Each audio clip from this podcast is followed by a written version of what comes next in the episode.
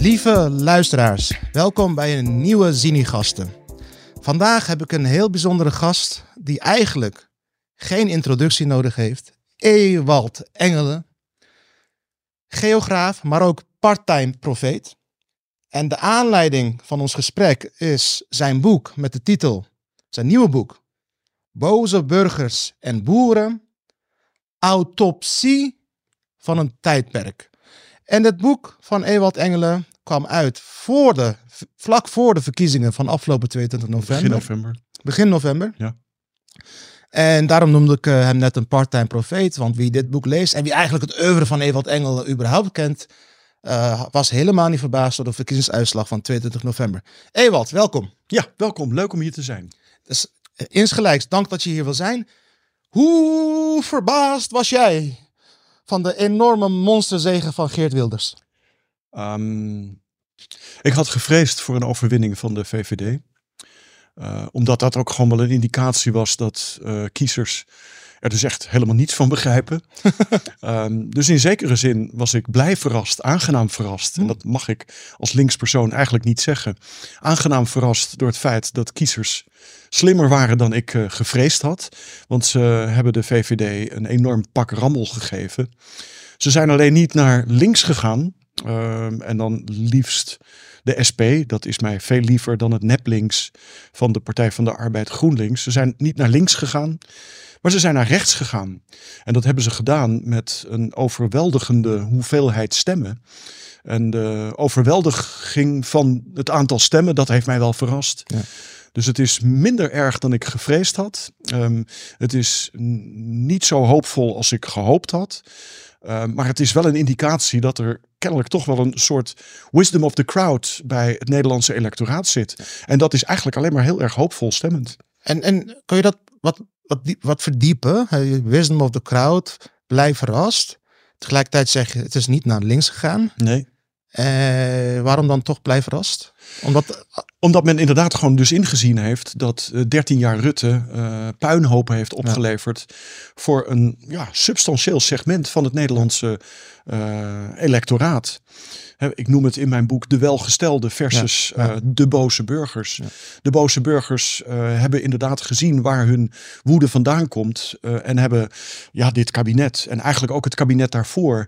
Want de verkiezingen hiervoor vonden natuurlijk midden tijdens corona plaats. die van 2021. 2021. En, en die verkiezingen, ja, die hebben natuurlijk toch gewoon te lijden gehad, om dat zomaar te zeggen, van de, ja, wat is het, de deken die over het politieke landschap lag door het feit dat er een gemeenschappelijke vijand bestreden moest worden, het virus. En we allemaal uh, de staatsman Rutte steunden. En we even dachten dat het geen tijd was om, wat is het, interne onderlinge conflicten uit te vechten op dat electorale speelveld. Dus een soort rallying, zoals de Engelsen dat noemen, rallying around the flag syndroom heeft heel duidelijk een rol gespeeld bij die eerdere verkiezingen. En nu hebben we dan twee verkiezingen vlak achter elkaar, zit negen maanden tussen. Uh, nadat die deken weggetrokken is, het virus is verdwenen. We weten niet helemaal waarheen, maar het virus is ja, verdwenen. En dan hebben we twee verkiezingen die meteen aangeven dat uh, kiezers wel degelijk snappen dat 13 jaar Rutte niet in hun belang geweest zijn. Het BBB uh, wordt de grootste in de Eerste Kamer. PVV is nu de grootste geworden in de Tweede Kamer. En het zijn wat mij betreft hele duidelijke tekenen van protest. Ja. en daar ben ik eigenlijk, ik bedoel, het is, het is jammer dat het naar rechts ging en niet ja. naar links. Ik had veel liever gezien dat het naar links ging. Maar ik vind het toch nog minder erg dan als het weer opnieuw naar de VVD was gegaan. Ja, ja, ja snap ik. Uh, om, om daarop door te gaan, kijk, sommige mensen uit onze linkse biotoop, die, die, die, die zijn nu toch wel blij. Hè? Want ze zeggen van PvdA en GroenLinks hebben samen, samen uh, in totaal acht zetels meer gehaald dan uh, hiervoor. Maar als je kijkt naar de uitslag, dan zie je dat diezelfde acht zetels weg zijn gegaan bij, uh, bij de Partij voor de Dieren, bij de SP, bij, bij, bij D66. Ja. Dus in totaal heeft links helemaal niks gewonnen. Misschien zelfs verloren. Als je kijkt ja. bijvoorbeeld naar... Wist je dat 40% van de mensen die op Volt hebben gestemd in 21... nu op de PVV hebben gestemd zelfs? Ja, ja, ja. ja, ja. ja. Dus mijn vraag aan jou is, Ewald, Ewald Engelen... Hoe komt het dat de PvdA en GroenLinks en eigenlijk ook SP... dat volkomen terecht onbehagen die jij net beschrijft... niet alleen meer onder de armen uh, en de arbeidersklasse... en de praktisch opgeleide... maar ook in toenemende mate de middenklasse... niet hebben weten te mobiliseren? Ja, dat is, een, uh, dat, is, dat is natuurlijk toch wel een beetje de hamvraag. Ja, toch? Um, en wat mij op dit moment, hebben zijn een week na de, hè, wanneer we dit opnemen, is een week ja. na de verkiezingen. Um, de teneur uh, in de commentaren uh, onder de kletsende klasse, wat natuurlijk voor een deel ook ja, toch progressief aangehoogd is. En de zegen de, de, de zegen van Verenigd Links um, toegejuicht heeft. De teneur daar is, ja, we hebben toch te maken met een groeiende groep kiezers die gekenmerkt worden door diep geworteld racisme. Um, Ja. Men is inderdaad verheugd over de acht zetels winst. Uh, en er is uh, aan die kant in ieder geval weinig bereidheid om zichzelf die hamvraag te stellen. Hoe ja, komt dat is het? jammer, hè? Dat is ontzettend jammer. Hoe komt het dat wij, uh, Verenigd Links, er niet in geslaagd zijn om het groeiende electorale onvrede te mobiliseren?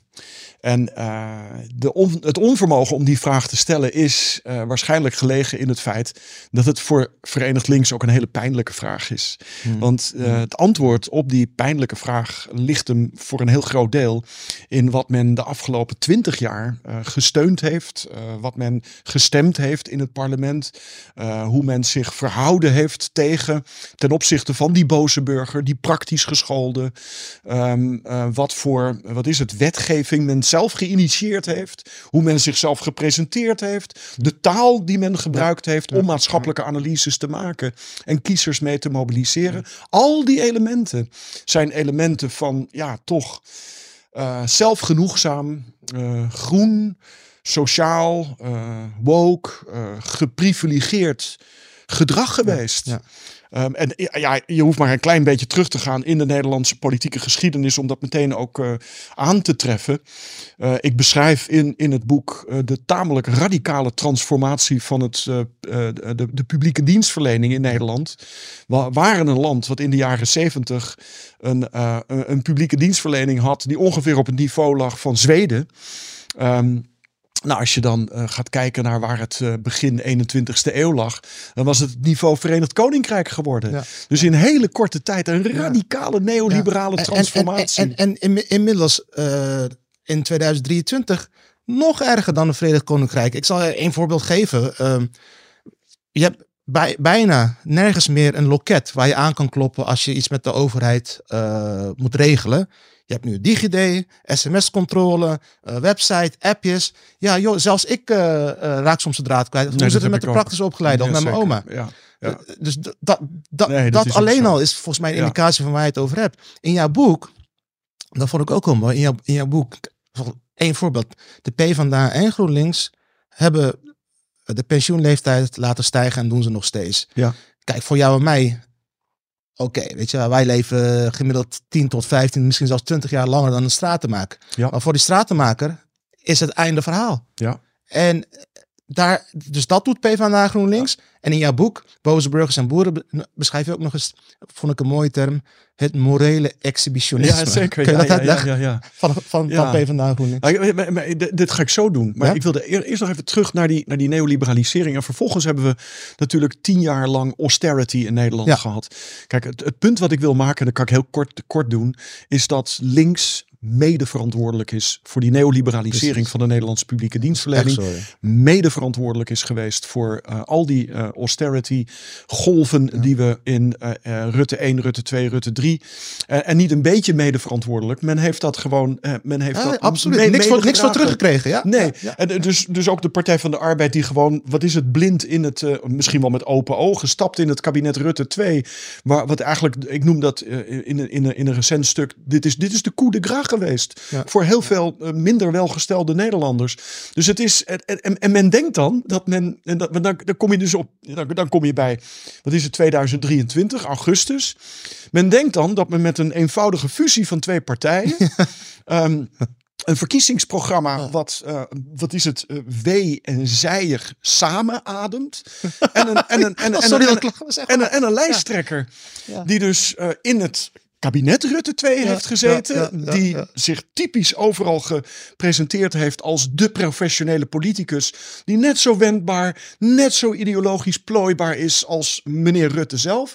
Probeert men op de een of andere manier die boze burger te mobiliseren. En wat denk je dan wel niet? Dan denk je dus inderdaad dat die boze burger hartstikke gek is. En dom. Dat hij in het eeuwig nu leeft. Dat hij leidt aan een Korsakoff-syndroom. Dat hij niet weet wat deze twee partijen eh, mede verantwoordelijk voor zijn geweest gedurende de afgelopen twintig jaar. Nee, die kiezer die weet donders goed dat de problemen die zijn kind of haar kind of haar kleinkind of zijn kleinkind heeft om überhaupt die Nederlandse woningmarkt op te komen, op te komen mede te danken heeft aan het beleid van GroenLinks en Partij van de Arbeid. Ze denken kennelijk dat de kiezer knettergek is. En- En, en dat is weer gelukkig Nee. niet zo. Nou, dit, dit is wat jij nu zegt, vind ik ook heel belangrijk. eh, want een van de dingen die nog steeds niet worden erkend in die hoek is het feit dat afgelopen 22 november, Ewald, want anders haal je geen 37 zetels, voor het eerst ook Nederlandse moslims massaal op Geert Wilders hebben gestemd. Ja. Ehm, en dan heb ik het over mensen die hier al 60 jaar zijn, bij wijze van spreken. Eerste, tweede, derde, vierde generatie. En die waarschijnlijk daarvoor altijd iedere keer opnieuw op Partij van de Arbeid gestemd absoluut, hebben. absoluut. Ja. En als je, met, als je met één been in de samenleving staat, dan zie je precies wat jij net beschreef. Die mensen zijn misschien praktisch opgeleid, maar die zijn, mensen zijn niet dom. Je kunt ze niet blijven belazeren. Nee. En de reden is, mijn Marokkaanse klusjesman wil ook minder Marokkanen. Weet je waarom? Als metafoor. Weet je waarom? Ja. Hij zegt het zelf. Hij wordt beconcurreerd door oneerlijke concurrentie op de arbeidsmarkt. Ja. De race to the bottom, dankzij Ja. migratie en neoliberale arbeidsomstandigheden. En ja, dan kun je wel blijven zeggen, je bent een racist als je, als je, als je, dat, als je dat niet wil tegen zo iemand. Of die nou wit is of Marokkaans. Maar op, op een gegeven moment wordt het tijd om de middelvinger terug te geven. Dus die moslim is ook naar de PVV gegaan. Afgelopen vrijdag, twee dagen na de verkiezingen, had het Nederlands Dagblad ging een reportage maken in een conservatieve moskee in Enschede, Ja. de Volkskrant in Den Haag, tot een schrik. En ik vond het wel tof van ze dat ze het eerlijk opschreven in het verslag. Ja. Ze schrokken zich rot dat al die conservatieve moslims allemaal voor Wilders zijn gegaan of ja, Wilders prima vinden. Ja. Ja, kijk, ik, eh, je kan het op verschillende manieren duiden. En ik proef in jouw duiding dat je toch wel eh, sterk kijkt naar die, die culturele dimensie. Hè? Je, je noemt ze niet voor niets conservatief. Ik denk, en dat zou mijn duiding zijn, en ik kijk natuurlijk naar dit soortzelfde eh fenomenen vanuit toch een meer politiek-economisch perspectief. Ehm, ik, ik, ik zou dat materieel duiden. Dus ik snap dat mensen op Wilders stemmen. Ik zie het vooral als een proteststem. Ja. Mijn inschatting dat de gemiddelde kiezer, en daar reken ik mezelf ook toe, die gaat niet al die door en door saaie verkiezingsprogramma's doorploegen om op de een of andere manier op basis daarvan te beslissen waarop hij of zij gaat stemmen. Die doet dat natuurlijk toch op basis van een soort intuïtie, een gut feeling en beeldvorming die de afgelopen maanden en misschien wel jaren heeft plaatsgevonden. En eh, het is een, het is een proteststem en die proteststem is voor een heel groot deel ingegeven door de observatie dat men is gaan snappen na zoveel jaren. En we hebben de austerity drives begonnen in 2010. En die zijn ongeveer gestopt in 2017. Heeft immense schade eh, berokkend aan het vertrouwen van grote groepen kiezers in de Nederlandse politiek. Men is van lieverlee gaan beseffen dat de eigen materiële belangen de zorg, Ja. het onderwijs, eh, de infrastructuur, de woning, eh, de toegang tot eh, groene technologie, zonnepanelen, warmtepompen en wat dies meer zijn, niet in goede handen is bij de partijen waar men van oudsher op gestemd heeft. Partij van de Arbeid. Hè, Marokkanen in Nederland, Turken in Nederland, die zaten aan de onderkant van de arbeidsmarkt en die hadden baat bij een partij die hun emancipatietrajecten serieus nam. Dus die kiezen van oudsher voor dit type partijen. Die materiële belangen, die zijn niet in goede handen bij deze partijen. En die partijen kunnen dan vervolgens wel zeggen van ja, maar we hebben ons leven gebeterd. Wij zijn nu verenigd links en we gaan het allemaal helemaal opnieuw doen. Maar het is niet overtuigend. En het is vooral niet overtuigend omdat je weer, en ik begin, ik, ik herhaal mezelf dan, maar ik blijf dat toch fascinerend vinden, dat je een verkiezingsprogramma schrijft waarin het woord klasse daar hebben we het over. We hebben het over een klassenstrijd. Het woord klasse komt vijf keer voor. Eén keer in de context van het woordje middenklasse. Vier keer als het gaat over klassengrootte op de basisscholen. Oh jeetje. en verder is het allemaal wij. Oh, dit is wel een het fascinerende. is allemaal wij. Het is allemaal samen. En Ja joh, als je echt Oh, serieus ernst Die, wil lege, maken. die, die, met die het holle marketingtaal is het gewoon. Het is holle marketingtaal. En dan heb je dus ook nog een keer een lijsttrekker waarvan iedereen vermoedt van joh, ja, jemig. Ben jij een geloofwaardige vertegenwoordiger van deze nieuwe herontdekte linkse klassenstrijd die je wil gaan voeren? Ja, in, in jouw, in jouw boek noem je ook nog, ik vind het een prachtige term, omdat het helaas eh, precies beschrijft waar het over gaat. Noem je ook nog eens het moreel exhibitionisme van Daar wilde link- je heen. de Ja. linkse eh, ka- Kamerleden, hoe zeg je dat, eh, op, opiniemakers, whatever, die eh, lopen te pronken met een warmtepomp en wat dies meer zei. En onderschatten ook wat dat voor impact heeft op de mensen die Ja. eh, eh, het allemaal niet kunnen eh, Ja. betalen. Ja, nee, dat, wat, kijk, dat, dat gaat dus over groene politiek. eh, de energietransitie, die we allemaal met, met de mond in ieder geval beleiden. En als je kijkt naar de, de, de, de, het, het beleid wat rond die energietransitie uitgerold is, dan is het ten eerste, en dat is ook wel weer fascinerend. Eh, we spreken eigenlijk niet of nauwelijks het grootbedrijf aan, maar we maken het de verantwoordelijkheid van Nederlandse huishoudens. En als we het dan hebben over die huishoudens, dan stoppen we de toegang tot die groene technologie. Die stoppen we achter subsidieregelingen. Die werken met het ehm, voorschietprincipe. Ja, ja. Je moet Ja. het eerst zelf voorfinancieren en dan krijg je het achteraf via de Belastingdienst krijg je het terug. Nou, dat betekent per definitie dat het alleen maar toegankelijk is voor die huishoudens die over spaargeld beschikken.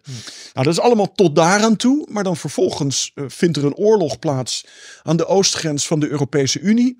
Daar wordt met sancties op gereageerd. De gastoevoer wordt afgesneden. De gasprijzen en energieprijzen schieten door het plafond. 300, 400 procent prijsstijging. Alles en iedereen die rijk is, eh, spaargeld had en warmtepomp en zonnepanelen heeft kunnen financieren, heeft geen centje pijn.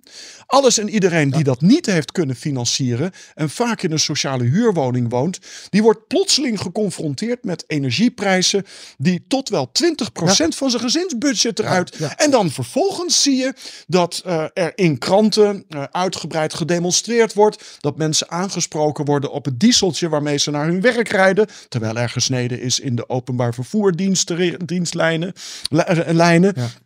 Ze worden aangesproken op het, eh, de afwezigheid van zonnepanelen, warmtepompen. Ze zien GroenLinks-Kamerleden op Twitter, X, eh, uitgebreid vieren dat ze eindelijk een warmtepomp geplaatst hebben gekregen en dus nu van het gas af kunnen. En al die mensen die beseffen niet dat dat ten eerste een tentoonspreiden van privileges is Ja, die is ja. wrang is. En, en eigenlijk ook haak staat op de privileges die op andere, ah, maar dat is woke, op allerlei andere dimensies bestreden moeten worden. De zeven vinkjes. Eh, en, en ze zien niet dat het een vorm is van, op zijn Engels, adding insult to injury. Hè, mensen hebben al te kampen met materiële achterstelling. Want dat hoort er ook bij. Nederlandse sociale huurwoningen zijn van alle Europese huurwoningen, samen met het Verenigd Koninkrijk, de slechtst Ja, geïsoleerde. ja, waarom staat dat niet op de politieke agenda? Heb ik nooit begrepen. We hebben dus Als je wel verduurzamen, als je groen een- We bent. hebben een verhuurdersheffing ingesteld om Als ook de enige land in de huursector- wereld. om ook de huursector te laten meebetalen aan de immense klerenzooi die duur betaalde bankiers veroorzaakt hebben. Ehm, daar is, wat is het? Volgens mij is er 13 miljard mee gevangen. Dat had je natuurlijk niet in de staatskas moeten storten. Dat had je moeten steken in zonnepanelen, isolatie, warmtepompen onder sociale huurwoningen. Ja, absoluut. Begin die groene Absoluut. politiek nou aan de onderkant Absoluut. in plaats van aan de En bovenkant. waar, waar- waarom, dat, daar breekt mijn hoofd nog steeds over. Ik was GroenLinks Kamerlid. Ik zat diep in die hele sector. Dit, eh, dit wordt maar niet begrepen. En als je erover begint, wo- wordt er bleef geknikt. En dan vervolgens wordt er helemaal niks mee gedaan. Een voorbeeld. Toen ik ehm, de Green Deal, toen eh, Timmermans de Green Deal aankondigde, was ik in eerste, inst- eerste instantie enthousiast. Want ik kende, ik kende Green New Deal Ja. van Alexandra Ocasio-Cortez. Ja, precies. Ja, dat ja, is echt precies waar hij het over hebt. Bottom-up vergroening, Ja, zeker. Keynesiaans. Ja, zeker. En dus ik Gekoppeld aan een, een enorm pakket aan industriebeleid. Absoluut. Ja. En dus ik ben heel enthousiast. Ik hoor Green Deal, Timmermans. Ik begin het te lezen. Ik denk, wat, sorry, wat de fuck is het voor neoliberaal gedrocht? Ja. Het, is helemaal, het heeft helemaal niks te maken met de Green New Deal. Dus je wordt een beetje voor de gek gehouden door de titel. Ja. Maar wa- waar, waarom wordt dit maar niet eh, begrepen? Ook al heb je privileges, je snapt toch wel dat mensen die niet rijk zijn, dat die ook eh, eh, recht hebben op een geïsoleerde huurwoning, sociale huurwoning. Waarom is- wordt dat niet als eerste geagendeerd? Ja. Kijken ze neer op die mensen? Of hebben ze, snappen ze niet wat het is om schimmel in je longen te hebben van je kinderen? Het is, het, is, het is ten dele dat. Uh, het is ten dele, um, dat, dat woord dat gebruiken wij, ook leden van de kletsende klasse, natuurlijk ook met enige regelmaat. We zitten allemaal in onze eigen bubbel.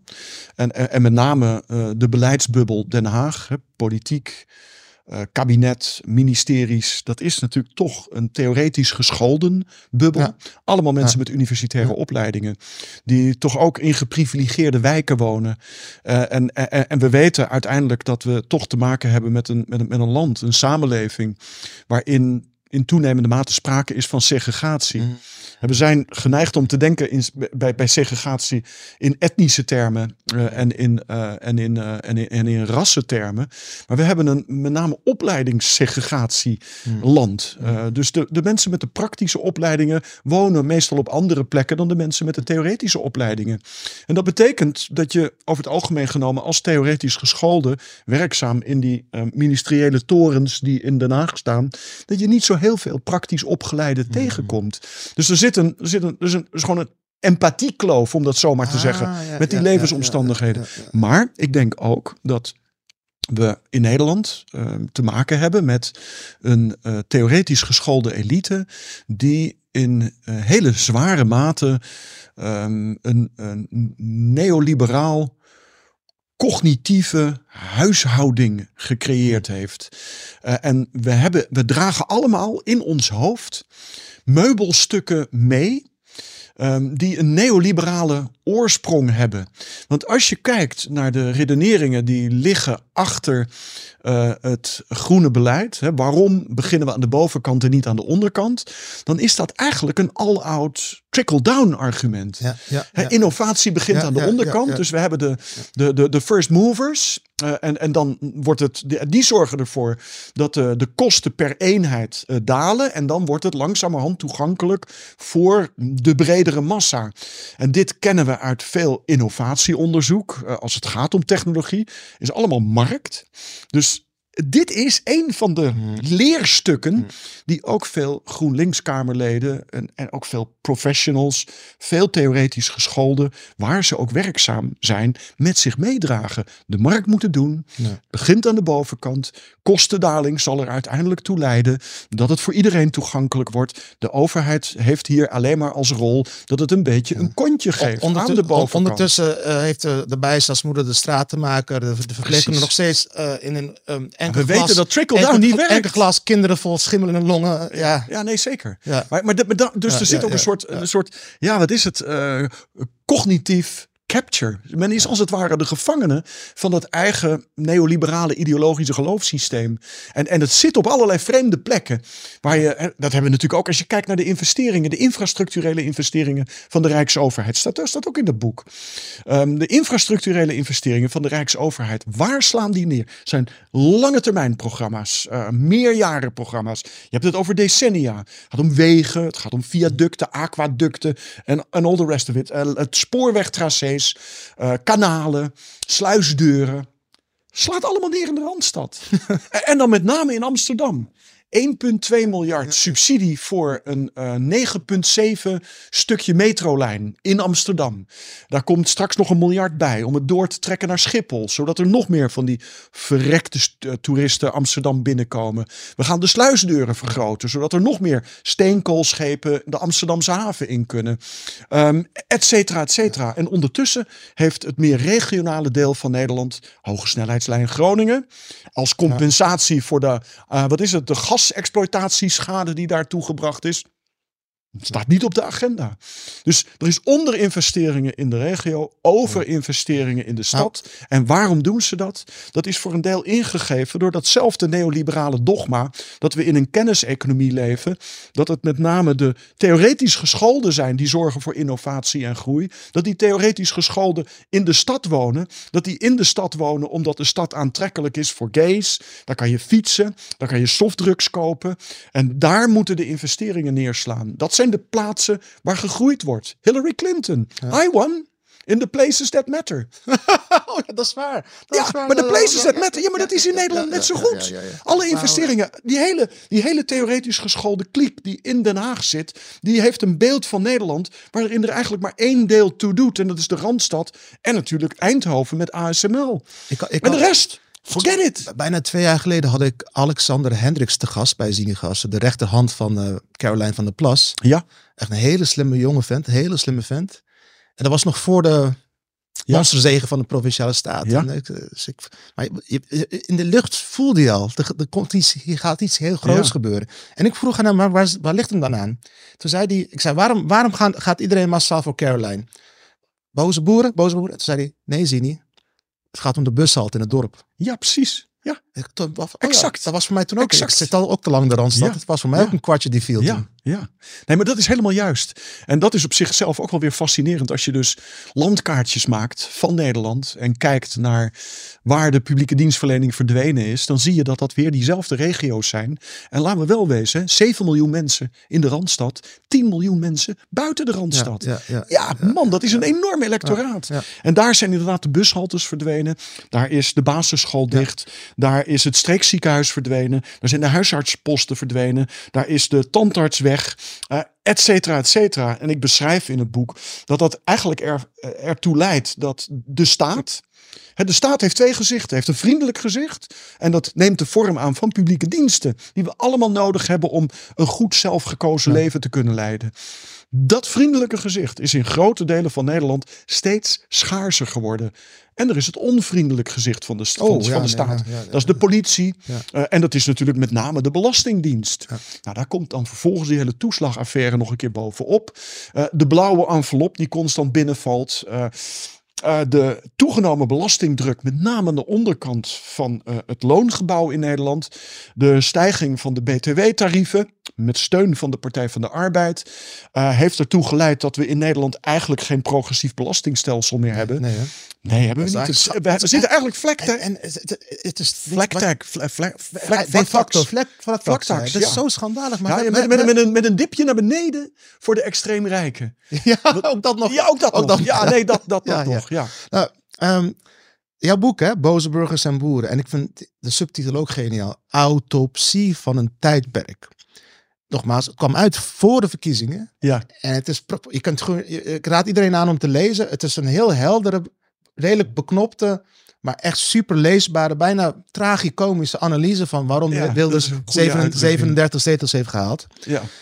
Autopsie van een tijdperk. Mijn vraag aan jou is, ik wil dat je weer een beetje een profeet bent voor Zini-gasten. Is dat tijdperk voorbij? Of krijgen we met Geert Wilders die toch, we noemen hem allebei rechts, maar zijn sociaal-economisch programma is toch, is, toch, is toch gewoon Joop Uyl, of zie ik dat verkeerd? Ehm, Gaat het goed komen nu? Gaan, gaan we eindelijk eens een- weer een verzorgingsstaat weer opbouwen? Ironisch genoeg dankzij Wilders en Omtzigt en niet dankzij de PvdA GroenLinks. Dat is de vraag. Nee, zeker. Dat is inderdaad, dat- dat, is wel een soort iro- die ironische observatie die je inderdaad kan maken. Is dat we wellicht eh, nu de kans hebben om eh, een einde te maken met, ja, wat is het, cynisch eh, neoliberalisme van 13 jaar Rutte. En dat dat dan gaat via de rechterband in plaats van de, de, Ja. rechter, de linkerband. Of dat ook daadwerkelijk gaat gebeuren is ingewikkeld te voorspellen. En dat heeft veel te maken met ehm, ja, toch de, de, de, de, de, de, de disconnect. Eh, de dissociatie die er bestaat tussen het verkiezingsprogramma van de PVV aan de ene kant en het stemgedrag van de PVV aan de andere kant. Hmm. En, eh, eh, de- en, dat, en dat is niet uniek voor de PVV, hè, zoals we allemaal ja, ja, weten. ja, ja, ja. Want kijk naar 2012 Partij van de Arbeid. ehm, hè, dan krijg je een links Keynesiaans verkiezingsprogramma. En vervolgens krijg je een rechts austerity gedreven Ja. kabinetsbeleid. Dus tussendoor, eh, we weten nu, of je onder andere uh, Omo Roon noemen we hem. Uh, Ja, Ron ja, Plasterk, ja, ja. die het in zijn columns beschreven. Het was in dat kabinet de PvdA die er harder in ging dan de VVD. Qua Ja, nee, nee, nee, zo, zo heftig was Ja, ja, ja, ja, ja, ja. ga door. Nee, dus de, de, de- er is, wat ik altijd een mooie metafoor vind van een Amerikaanse socioloog, is frontstage en backstage. Een frontstage, hè, aan het, voor, het voorplan van het politieke toneel heb je mooie woorden, eh, veel gedrevenheid en, en allerlei pogingen om kiezers te mobiliseren. Eh, wat er backstage, eh, achter de coulissen gebeurt, is vaak wat minder fraai. En ehm, ik hoop van ganse harte dat eh, de kloof tussen frontstage en backstage dit keer eh, wat kleiner zal zijn dan dat eh, vaak gebleken is. Maar of dat zo zal zijn, weet ik niet.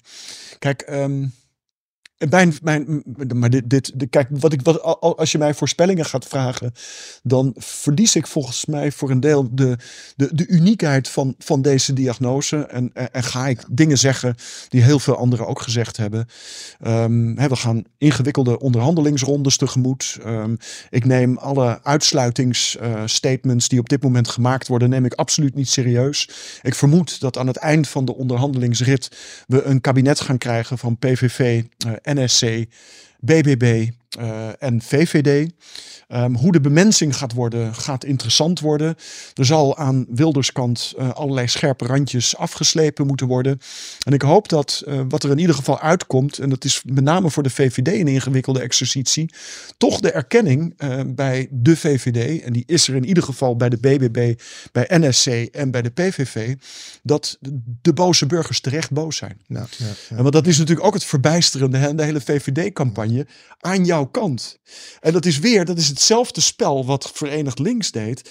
Net doen alsof de burger geen geheugen heeft. Wat nou aan mijn kant? Je hebt 13 jaar lang aan de kant van het grootkapitaal gestaan. Hoe moet ik dit geloofwaardig vinden? En het is ook niet geloofwaardig. Dus daar zal natuurlijk toch op de een of andere manier het begin van zelfreflectie moeten zijn. Van joh, we moeten afstand nemen van de gedachte dat dit een gaaf land is. Het is voor heel veel Nederlanders geen gaaf land. En daar moeten we wat aan doen. Ja, en daar wil ik nog graag aan toevoegen. Onze tijd zit er bijna op, uh, Ewald. Ik uh, onderschrijf dat volledig. En ook ja, al die mensen waar we het net over hadden, in al die belangrijke posities, die ja, helemaal geen idee hebben van bijvoorbeeld het feit dat je inmiddels in Nederland aan iemand standen kan aflezen of die arm is. Ja. Zelfs Margaret Thatcher heeft het ziekenfonds niet geprivatiseerd. Wij wel. Ja. We zijn er zo radicaal ingegaan. NHS is geweldig.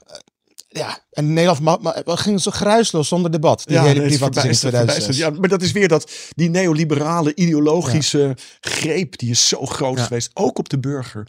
En ik, ik, ik, ik, ik denk, en ben benieuwd of je het met me eens bent, ik denk dat GroenLinksers, PvdA'ers, D66'ers, VVD'ers, die hele babbelende klasse waar je het over hebt, waar wij ook toe behoren, dat we uh, God op onze knieën mogen bedanken dat onze boze burgers en boeren voor Wilders zijn gegaan. Want dat had, en voor, en voor omzicht.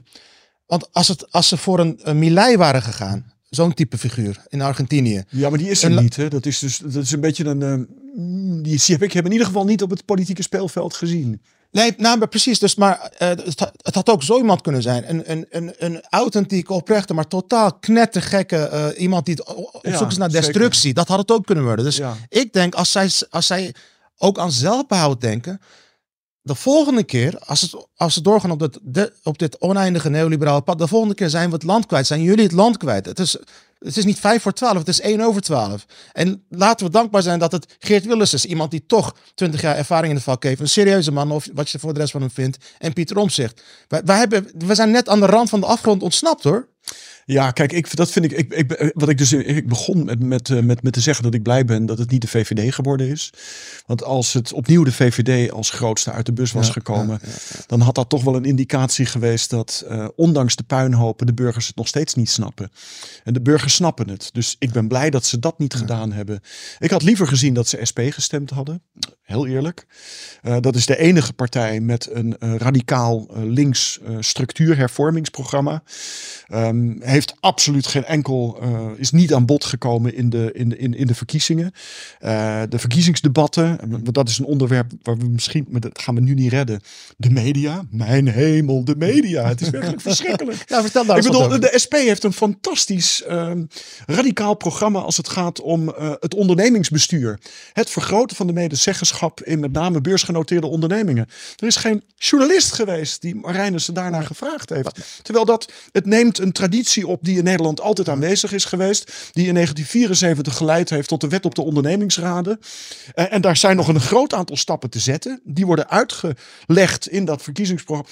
Dat gaat alleen maar over migratie. Kijk, en dan, en dan terug naar Wilders. Kijk, ik vind dat Wilders um, aan zondebokpolitiek uh, doet. Ik vind dat hij uh, kiezers weet te mobiliseren door uh, een klein segment van de totale migratiestroom naar Nederland enorm uit te vergroten. Ja. En dat zijn met name natuurlijk ja. vluchtelingen uit Noord-Afrika ja. en het Midden-Oosten. Terwijl, kijk nou wat de woningmarkt in Amsterdam verknald heeft. Dat zijn expats. Dat zijn internationals. Die toestroom is enorm uit de, uit de, de spuigaten uitgelopen. Dus ik, En, en daar heeft Wilders het niet over. En, en dat zijn tegelijkertijd ook de migratiestromen die horen bij verdere globalisering, bij verdere neoliberalisering. De Amsterdamse gemeente heeft eindeloos missies naar de London City gestuurd in de context van Brexit om uh, Britse financiële dienstverleners naar Amsterdam te halen. Nou, dat is gelukt, weet je wel. Dus er zijn, er zijn, er zijn tienduizenden nieuwe financiële arbeidsplaatsen bijgekomen met de enorme druk op de En er zijn ook mensen die 30 procent... Uh, ja, natuurlijk. Die betalen, betalen, nauwelijks belasting en sociale premies. En die, dat leidt ertoe dat ja, voor de gemiddelde Nederlander is Amsterdam onbetaalbaar geworden. Dus dat is het probleem probleem en niet die vluchteling uit Noord-Afrika en het Midden-Oosten. En, en dat vind ik heel kwalijk van Wilders, dat hij dat constant maar uh, ik, presenteert ik, als ik ben wel trots pro toto. Ik, ik, ben met Wilders in debat gegaan bij WNL op zondag een jaar geleden of zo. Ja. Toen ging het ook hierover. Toen heb ik gezegd uh, de verhuurdersheffing is niet door asielzoekers bedacht, uh, meneer. Nee, dus, precies. dat was wel, dus er, wordt, er, worden ook, er worden ook relaties gelegd ja, tussen woningmarktproblemen en asielzoekers die ja, eigenlijk kausaal niet gemaakt kunnen worden. En het is wel heel erg dominant geweest in het publieke debat. Maar eigenlijk en dan heb je het weer over de media. Hoe komt het dat de media het alleen maar over migratie hebben? Maar, maar dit is toch ook van, uh, dat was, kijk, um, zelfs die Marokkaanse klusman waar ik het over heb, gewoon de praktisch opgeleide mensen middenklasse, heeft geen tijd zoals jij en ik om ons te verdiepen. Nee, allerlei, nee, nee. nee, in een, nee. een, ik neem het mensen ook niet In een democratisch land heb je inderdaad precies wat je zegt. Wat, een, een media, een, een publiek debat, een, een media, een onderwijssysteem waarin dit soort dingen echt aan bod komen. In Nederland gebeurt dat niet. Nee. Links kan dat ook niet uh, geven, want ze hebben links, althans PvdA is, ook, is ook gewoon gevangen in dat ja, ze kunnen, ze, kunnen niet, ze kunnen niet tegen de dingen zijn die ze zelf hebben ingevoerd. Dus uh, wie gaat dan het verband leggen? Ja. Je, je, hebt een collega van mij, Hein de Haas. Um, ja, die ik ook gehad hier. Ja. In de Bali uh, een soort uh, mastercursus gegeven aan de migratiewoordvoerders van de Tweede Kamerfracties. Uh, en die ontkracht eigenlijk al die migratiemythes aan plein publiek. was echt briljant om te zien. Ja. Uh, en hij vertrouwde me toe dat hij na afloop te horen kreeg dat uh, zijn ontkrachting van die mythes uh, leidde er niet toe dat zij in het vervolg een ander discours zouden gaan vertellen, maar kwamen neer op een verwijt in zijn richting. Wow. U schaadt het aanzien van de politiek door wow. ons terecht te wijzen. Ja, dat is, en maar dat geeft ook wel aan dat je op de dat een of andere manier. heftig hoor. Dat is echt, ja, maar dat is ook te maken. Dit, dit zijn, dit zijn, dit, het, het zijn geen feiten meer, het zijn clichés. En die clichés die kunnen eigenlijk niet meer herroepen worden. Want die worden eindeloos herhaald. Nou, en dan niet meer tegen okay, als, als, als, als dit een houding is, dan uh, volgende keer 50 zetels voor Wilders. Dan gaan we weer huilen met z'n allen. Gaan we weer huilen. In de grachtgordel. Nou, ik, ik, we zijn nu een week later en ik hoop van ganse harte dat... Ik constateer nu dat met name aan uh, de kant van Verenigd Links... er eigenlijk nauwelijks bereidheid is om de hand in eigen boezem te steken. Nul, en de uitslag te zien als ook een uitslag veroorzaakt door het eigen falen. Ja. Uh, maar ik, ik, ik, ik hoop en, en verwacht ook eigenlijk dat de komende weken... Het rouw is groot. De teleurstelling is groot. Dat de komende weken die bereidheid toch zal toenemen. Ja. En, en dat we inderdaad een analyse gaan krijgen van... jongens, wat hebben we nou fout gedaan? En kijk dan niet alleen maar naar de afgelopen maanden. Maar kijk uh, 20, 25 jaar terug. Want daar zitten de fouten. Exact, exact. En kiezers zijn niet achterlijk. Kiezers onthouden dit. Die dragen die neoliberale littekens mee in hun onderbewustzijn. Uh, en, en dat is van invloed geweest op hun stemgedrag. Besef dat nou eindelijk eens. Prachtig, Ewald. En uh, als ze verstandig zijn, gaan ze wel naar deze oproep luisteren. Uh, ik wil je ontzettend bedanken voor je komst. Graag gedaan. Tegen, tegen de luisteraars zeg ik nogmaals: koop en lees Boze Burgers en Boeren van Ewald Engelen. Uh, het is ook ja, grappig om te lezen. Je krijgt bijna leedvermaak, omdat al deze waarschuwingen, voorspellingen van Ewald Engelen. Daar, als ze daar hadden, naar hadden geluisterd, was het misschien een ander verhaal geweest. Ewald, zullen we afspreken dat we, nadat het kabinet is gevormd, nog een keer met elkaar gaan praten? Lijkt me helemaal goed. Oké. Ja, leuk. Dank wel hè. Leuk. Ja.